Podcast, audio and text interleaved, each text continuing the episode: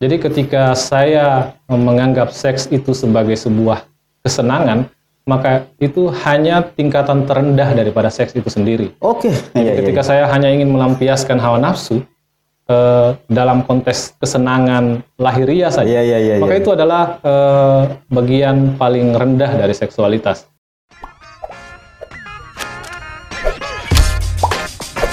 Welcome to Renaissance. Assalamualaikum Sobat Renaissance. Ketemu lagi di sini. Sekarang saya sedang bersama peneliti seniornya Litbang Agama Makassar namanya Pak Abu Muslim. Spesifikasi beliau ini penelitian tentang naskah-naskah klasik. Nah, yang menarik dari Pak Abu Muslim ini sementara menyusun disertasi tentang Asik Kalabineang alias apa itu? Kama Sutra Bugis, Kama. Sutra Bugis. Jadi beliau ini bisa disebut calon dokter senggama. Oke, Pak Bu Muslim gimana kabar? Alhamdulillah baik Pak eh, Dr. Sabara. Ya.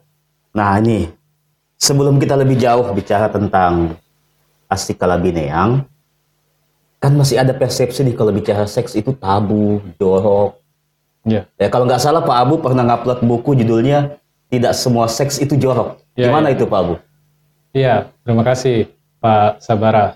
Assalamualaikum warahmatullahi wabarakatuh. Waalaikumsalam. Salam sejahtera, sahabat Renaissance ya, Ya. namanya. Eh, membincang seks itu eh, sebenarnya kita boleh membincangnya dengan santai, bisa juga serius, tetapi dalam banyak hal seks itu membahagiakan. Oh iya pastilah itu menyenangkan lah. Jadi kalau ada yang menyebut seks itu jorok, joroknya di mana? Sebenarnya tidak dalam konteks eh, itu kita ingin berdiskusi, tetapi m- saya ingin mengajak teman-teman Renaissance semua untuk mendalami seks itu sebagai sebuah eh, kearifan Iya iya iya. atau sebuah eh, kebutuhan atas kebahagiaan. Iya Jadi, iya iya iya. iya. Eh, kalau dulu orang berbicara seks dianggap tabu, eh, justru membuat orang menjadi eh, jauh dari pengetahuan seks itu sendiri. Iya iya iya. Itulah kenapa banyak rumah tangga yang bermasalah karena seksualitas, tetapi de- di sisi lain ketika ada yang memahaminya dengan baik, justru bisa menjadi cermin rumah tangga yang baik. Oke Nah, oke. Kira-kira begitu, Pak. Jadi kata kuncinya secara personal seks itu untuk kebahagiaan, Iya. makanya kebudayaan kita mengatur sebagai sebuah kearifan. Benar ya. Gimana ini seksualitas dalam kultur kearifan Nusantara atau secara umum lah? Eh, sebenarnya seksualitas itu eh, setiap kultur memiliki kearifannya sendiri atau kebudayaannya sendiri. Misalnya di Bugis. Di Bugis ini kita punya eh, kearifan seksual yang kalau kita sering membaca Kama Sutra di versi India itu, Iya. ternyata di Bugis juga ada namanya Asikalebineng. Kalau masyarakat Jawa menyebutnya eh, Asmorogomo Ya, oke, oke. yang kita bisa sadur dari manuskrip-manuskrip tulisan tangan orang tua kita dulu. Eh, sebenarnya eh, kita tidak perlu ber- berguru terlalu jauh ke India, ke Arab untuk mengetahui bagaimana sebenarnya skema eh, Kama Sutra itu dalam konteks ke mencari kenikmatan dan kebahagiaan. Iya iya iya. iya. Jadi kalau bicara seks, eh, kadang-kadang kan orang eh, kalau versi dulunya Hmm. eh, ulama kita menyebutkan bahwa eh, ada proses menindih dan menghimpit. Menindih dan menghimpit. Nah ini. Eh, ini? ada superioritas dan eh, Iya iya iya iya. di situ yang bermain. Tetapi eh, sebenarnya tidak sesederhana itu Iya seks. iya iya iya. iya. Seks itu juga harus dilihat sebagai sebuah keseimbangan.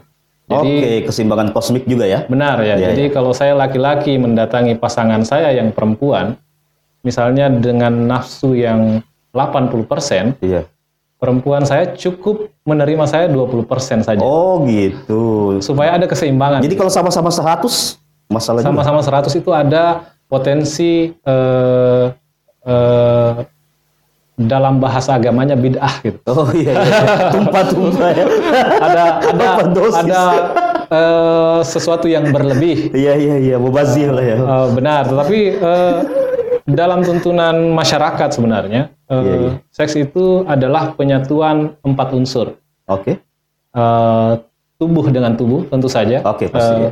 Kalau kita bicara eh, senggama tentu eh, skin to skin ya. Iya, iya, iya. Saya menyentuh dirinya Iya. dan dia menerima sentuhan saya itu dengan eh, manja gitu. Iya.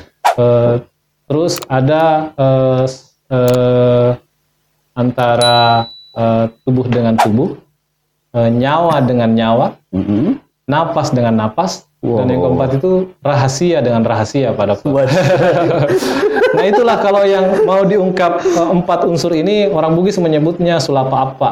Oh. Posi- Posisinya eh, kalau di dalam manuskrip eh, koleksi Litbang eh, sebenarnya bukan kita yang pertama kali mengkaji itu ada eh, eh, pakar namanya Pak Dr. Mulis Sarkawi. di Universitas Hasanuddin. Dia sudah menulis satu buku berjudul Asik Kalimineng. Iya. Nah di kantor kita di Litbang juga kita sudah punya satu eh, buku khusus ya kira-kira Ah, sebuah transliterasi dan terjemahan manuskrip yang kita terjemahkan utuh. Ada dua naskah di situ, Ini tebal, tebal. eh, sekitar 400 halaman. Aha. Nah di situ seluruh rahasia tentang eh, Kama Sutra Bugis dibuka sedemikian rupa. Eh, Kira-kira begitu Pak Sabara. Nah, bicara tem- langsung saja nih ke Asik Kalabina sebagai Kama Sutra Bugis ya, kearifan lokal Bugis Makassar dalam membicarakan tentang seksualitas. Intinya apa sih sebenarnya di situ? Eh, intinya keseimbangan. Oh, tadi Jadi, kembali keseimbangan ya. kembali ke keseimbangan.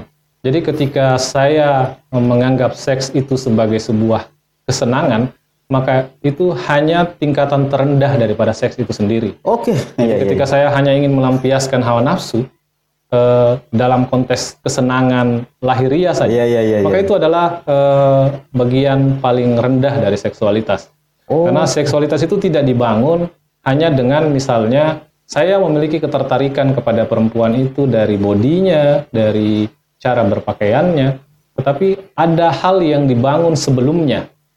Eh, dalam kitab Asmorogomo itu ada ada enam tingkatan. Iya, iya. Yang pertama ada istilah asmara lana, di mana eh, seorang laki-laki dan perempuan itu bisa eh, saling memahami dalam konteks kepedulian. Iya, Jadi iya. ketika ada laki-laki yang sudah sedemikian peduli dengan perempuan, eh, contoh Pak Sabara nih, iya. eh, punya ketertarikan khusus pada seorang perempuan, dan Pak Sabara memberikan kepedulian tertentu. Iya, iya. Pak Sabara hatinya berbunga-bunga, Ah, ah. eh, kasmaran Ya, dia gara-gara gitu. itu. gitu. Nah, Eh, itu part pertama menuju eh, Asmorogomo sesungguhnya. Oh. Jadi kalau misalnya kita sudah kasmaran eh, dan itu bisa diolah dengan baik, maka kemudian kita akan bertemu pada tingkatan berikutnya yang disebut dengan asmaratura. Asmaratura ini eh, karena kita sudah peduli, kita juga harus memuji dia dengan pujian-pujian yang baik. Eh, contoh, eh, Adindaku, betapa cantiknya kau hari Ya, ini. ya, itu ya, saya lihat dari matamu misalnya Iya, iya, iya, iya, iya. pujian itu dibutuhkan. Pujian itu eh, diperlukan sebagai pintu masuk untuk step selanjutnya. Jadi pujiannya eh, lebih kepada rayuan terhadap eh, fisik, belum kepada nilai-nilai yang eh, puitis gitu. Nanti Iya, iya. pada step berikutnya. Nah kalau sudah begitu eh, ada namanya asmara turida. Nah, di situlah eh, ketika seorang laki-laki dan eh, perempuan memiliki ketertarikan dari caranya dia ketawa, Iya, iya. iya. caranya dia eh, eh, Kelingan mata. keringan mata. Eh, bahkan dalam step yang lebih tinggi ada desahan-desahan manja yang kita bisa merasakan bahwa eh, sampai di hati kita. Iya, iya, iya, iya. Itulah yang iya. disebut dengan penyatuan antara eh, nyawa dengan nyawa. Oh. Nah, Ah, rahasia dengan rahasia. Ya, rahasia dan rahasia baru kemudian di step berikutnya. Terlalu jauh dulu. Kita Iya, iya, lanjut ke asmaradana namanya. Jadi eh, ketika eh, tawanya perempuan itu sudah menyentuh hati kita, eh, secara otomatis kita bisa membalasnya misalnya dengan syair-syair puisi yang indah. Saya memujinya dengan pujian-pujian yang eh, setingkat lebih tinggi dari Jadi eh, bukan lagi pujian erotik. Bukan lagi lagi. soal eh, betapa eh, gemulai Ya, tubuhmu, ya, ya. wahai Adinda, tapi lebih kepada eh, puisi atau syair atau bahkan eh, kita membuat misalnya lagu khusus dia. kita membuat puisi khusus untuk dia. Eh, Nah kalau itu sudah dilakukan, terus perempuannya merasa eh, sampai juga di hatinya, maka peluang untuk eh, step berikutnya misalnya eh, eh, kita sudah menyentuh tangannya, dia akan merasa terangsang sedikit. Dari situ kemudian dia bisa memberikan kita ruang untuk menyentuh bagian tubuhnya yang lain. Eh, nah dalam konteks eh, seksualitas, dari sinilah biasanya potensi ciuman itu bermula gitu. Panjang juga tahapannya sampai Panjang ke ciuman ya. Ya, karena setelah eh, kita bisa menyentuh tubuhnya dan Ah, eh, iya iya. menyesuaikan diri, eh, itu yang disebut dengan foreplay. Oh, oh, Foreplay oh. itu sebuah eh, Jadi, pemanasan sebelum menuju. yang tadi ini pra pra- pra play ya. Iya. Ah, Jadi memang eh, stepnya begitu. Kalau Iya, iya. ingin mencapai eh, kenikmatan yang sesungguhnya, sesungguhnya ya ya. Dan seks bukan cuma barang jasmani, ya tapi juga sampai pada kebahagiaan rohani ya. benar. Nah, luar biasa. Dalam terminologi manuskrip, eh, seks itu diibaratkan eh, seperti mantra. Ya.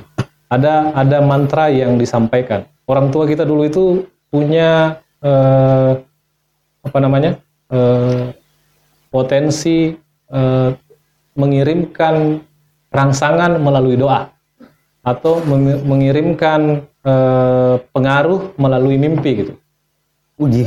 eh, di bahasa Bugisnya napanipiwi makunraina. gitu. Jadi perempuan itu akan eh, bermimpi eh, sedang melakukan persetubuhan dengan kita. Tapi tentu saja pasangan yang sah ya. Eh, ya dalam konteks pasangan yang satu. Iya, Tapi eh, dalam perkembangannya sebenarnya eh, eh, kita kita harus eh, melihat secara kontekstual eh, perilaku seksualitas itu tidak hanya pada eh, cara kita untuk mencari kenikmatan. Iya iya. Karena part tertinggi dari seksualitas itu adalah sebenarnya selain keseimbangan ada kasih sayang Tuhan yang bermain di situ. Oke. Jadi eh, ada selalu ingatan yang sangat tegas dalam eh, setiap eh, kajian manuskrip terhadap seksualitas. Kita selalu diarahkan untuk hari ngerak kok riwatu takalupamu. Eh, Artinya itu ingat kok. Eh, artinya bahwa di saat kita lupa, biasanya dalam konteks hawa nafsu, Iya iya iya iya. kalau iya. sudah menggebu-gebu begitu Pak Iya, bisa kita lupa ya benar-benar. biasanya kan kita sudah lupa seluruhnya. Iya iya. iya. Di situ kita ada reminding bahwa kita kemudian diingatkan kembali bahwa perlu Anda eh, mengerem hawa nafsu itu sedemikian rupa. Iya. Karena eh, ketika kita datang dengan eh, energi yang terlalu besar, itu eh, biasanya eh, eh, tidak berpretensi untuk eh, membuat pasangan kita bahagia. Oke, itu oke, oke. ada posisi egois di situ. Egois benar-benar benar. Jadi kalau misalnya kita datang dengan nafsu yang membuncah itu iya. iya. tanpa memerhatikan eh, situasi pasangan kita, Ah, ah. maka kadang-kadang kita overlap. Nah di situlah iya, eh, iya, iya. Seks dalam konteks eh, kesenangan keseimbangan. hanya akan berhenti di situ. Iya. Padahal sesungguhnya ada lagi setelah kesenangan ada eh, kenikmatan, Nikmatan. setelah kenikmatan ada kebahagiaan, dan di setiap kebahagiaan selalu ada Mensyaratkan Tuhan. keseimbangan dan kasih sayang Tuhan. Kasih sayang Tuhan itu rahmah.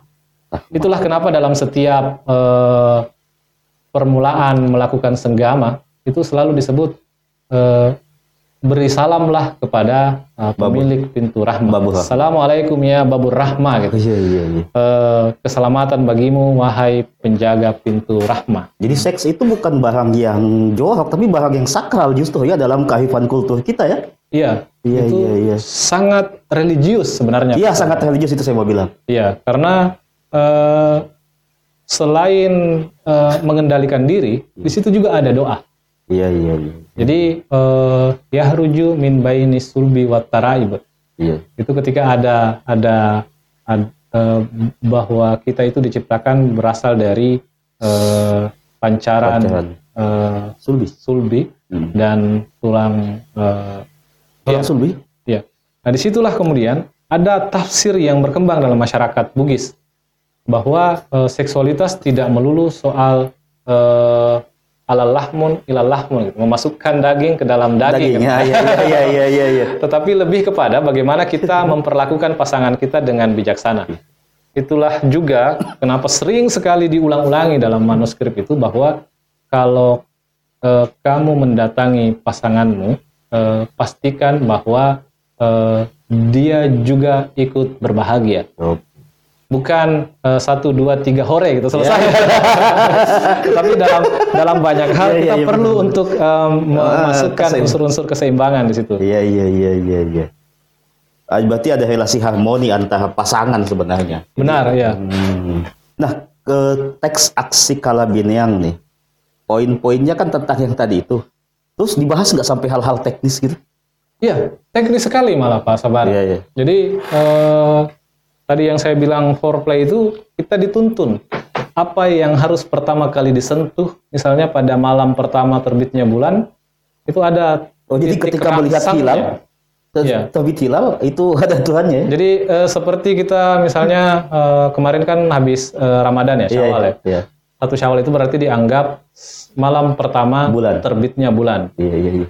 Malam pertama terbitnya bulan titik rangsang perempuan itu ada di telapak kaki sebelah kanannya gitu. Kira-kira begitu. Jadi itu yang terus diekspor. Dan itu 30 malam itu di masing-masing beda. Eh, cuma 15 karena perputaran Oh, sampai di 15 26 hari. ya, ya. Kalau eh, malam pertama pokoknya dari eh, kalau saya lihat eh, dari variasi titik rangsang itu dia berasal dari eh, sebelah kanan dari bawah ke atas. Jadi oh. mulai dari titik rangsang di telapak tangan, eh, di telapak kaki sebelah kanannya, Ya. terus naik hari kedua di betis kanannya, hari ketiga di eh, eh, apa namanya paha kanannya, naik lagi ke eh, dada kanannya dan seterusnya dengan perlakuan yang berbeda.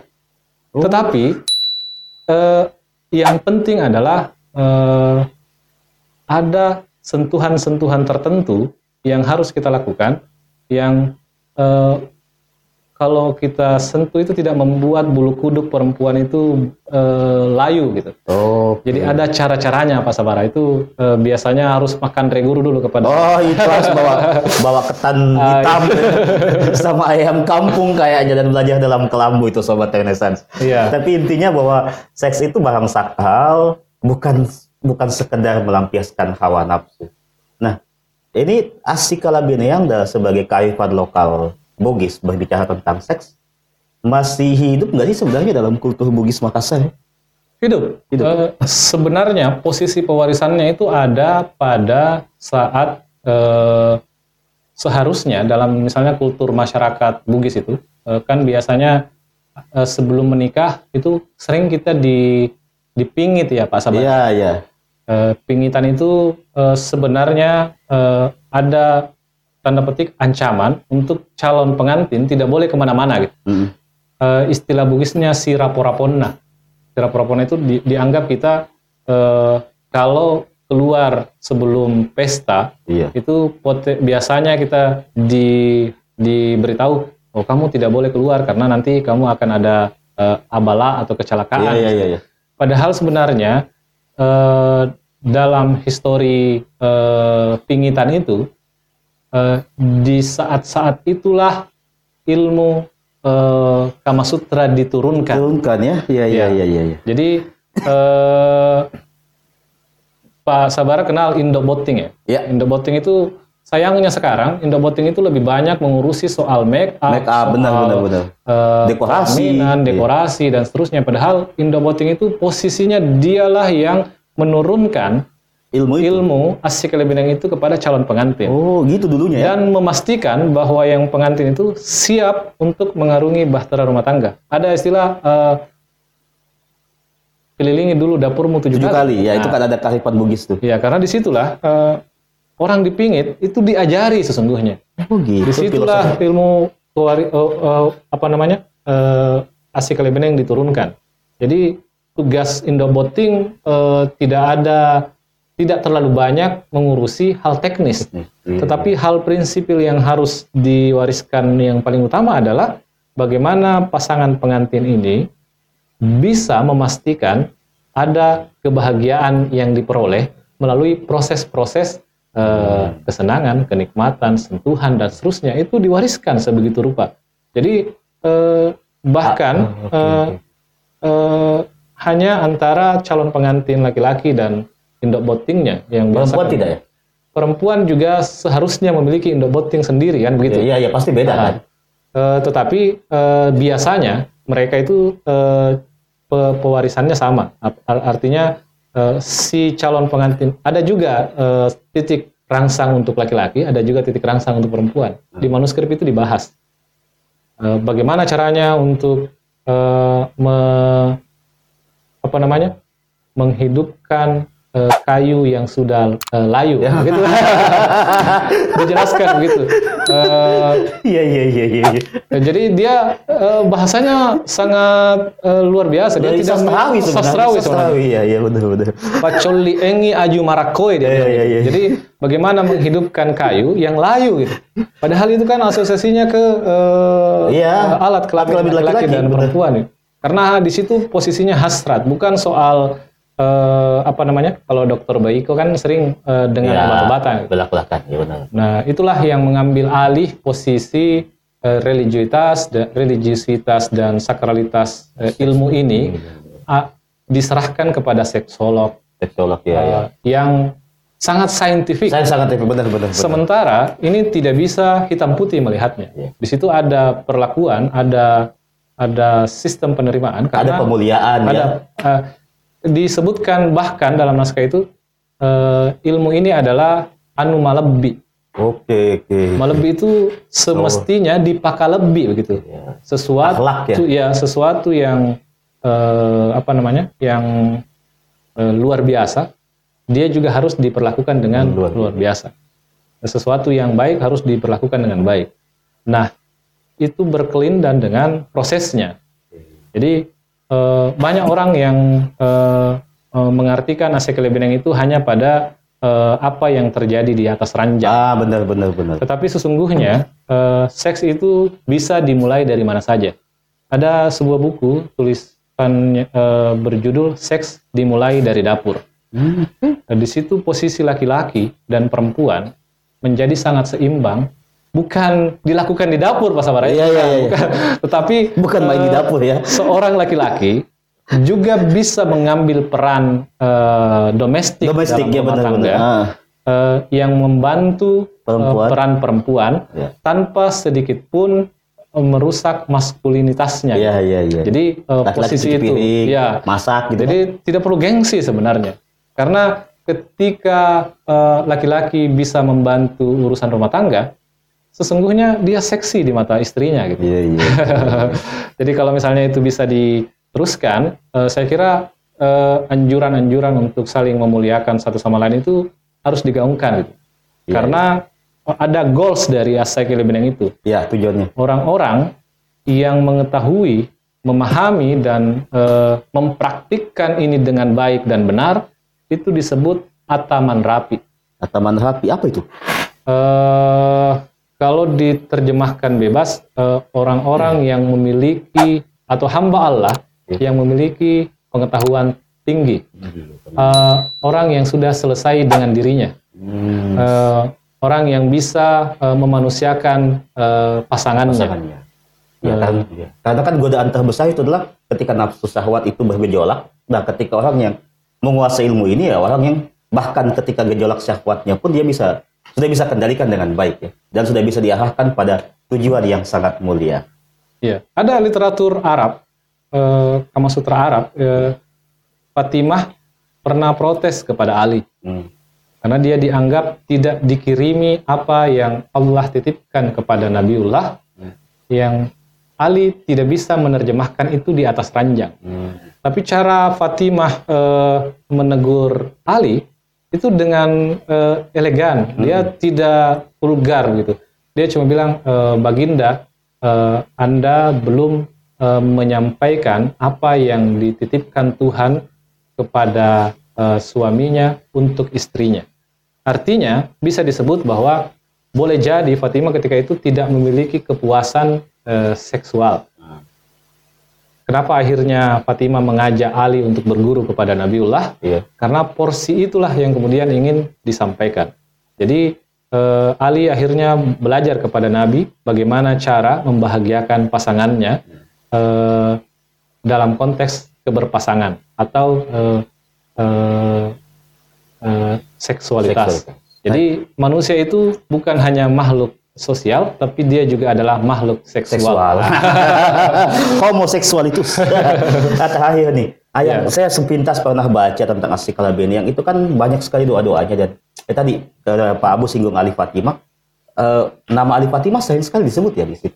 Di doa-doa. Sering sekali, sering sekali karena eh, biasanya di manuskrip itu menjadikan pasangan ini sebagai patron Oke. bahwa eh, manusia eh, yang memiliki eh, apa namanya pasangan yang memiliki Idealitas. idealitas dan eh, yang disebut tadi dalam konteks Bugis ataman rapi, Ataman rapi. eh, itu bisa kita pelajari dari eh, kehidupan rumah tangga Ali Fatimah. Fatimah. Oke, itu kata kuncinya ya. Ya. Eh, Oke, sobat Renaissance.